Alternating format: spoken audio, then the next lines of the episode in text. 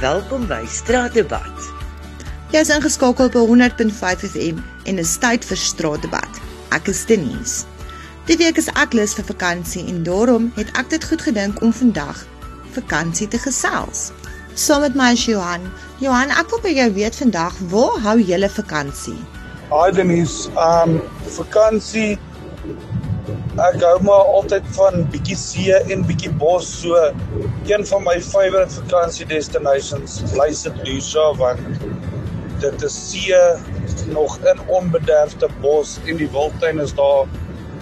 Um Cape Vidal wat vir my een van ons mooiste mooiste witsandstrande is. So ek geniet nogal se Lusa vakansie hoor.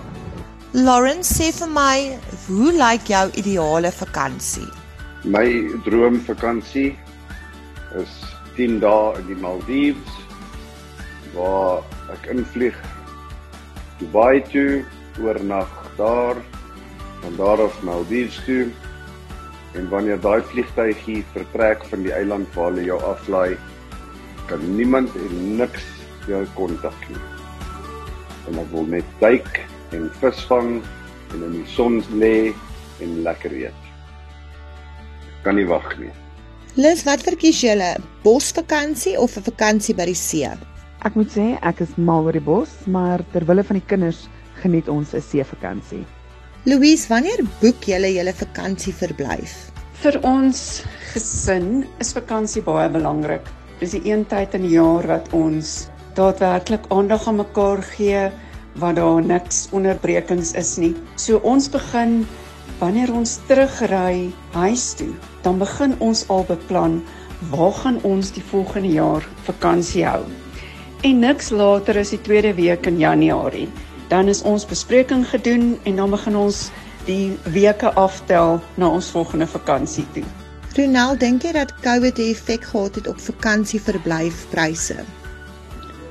Hi Denise. Ja, COVID het definitief 'n invloed gehad op die pryse van vakansies.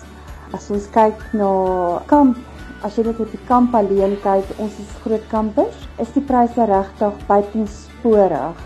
Ons het regtig 'n probleem met dit en dit het regtig verhoog.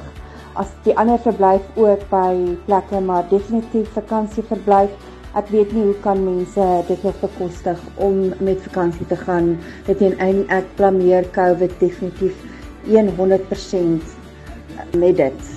Maak altyd seker om ingeskakel te bly op 100.5 FM en luister asseblief weer volgende week saam na Straatdebat. Ek is Denise.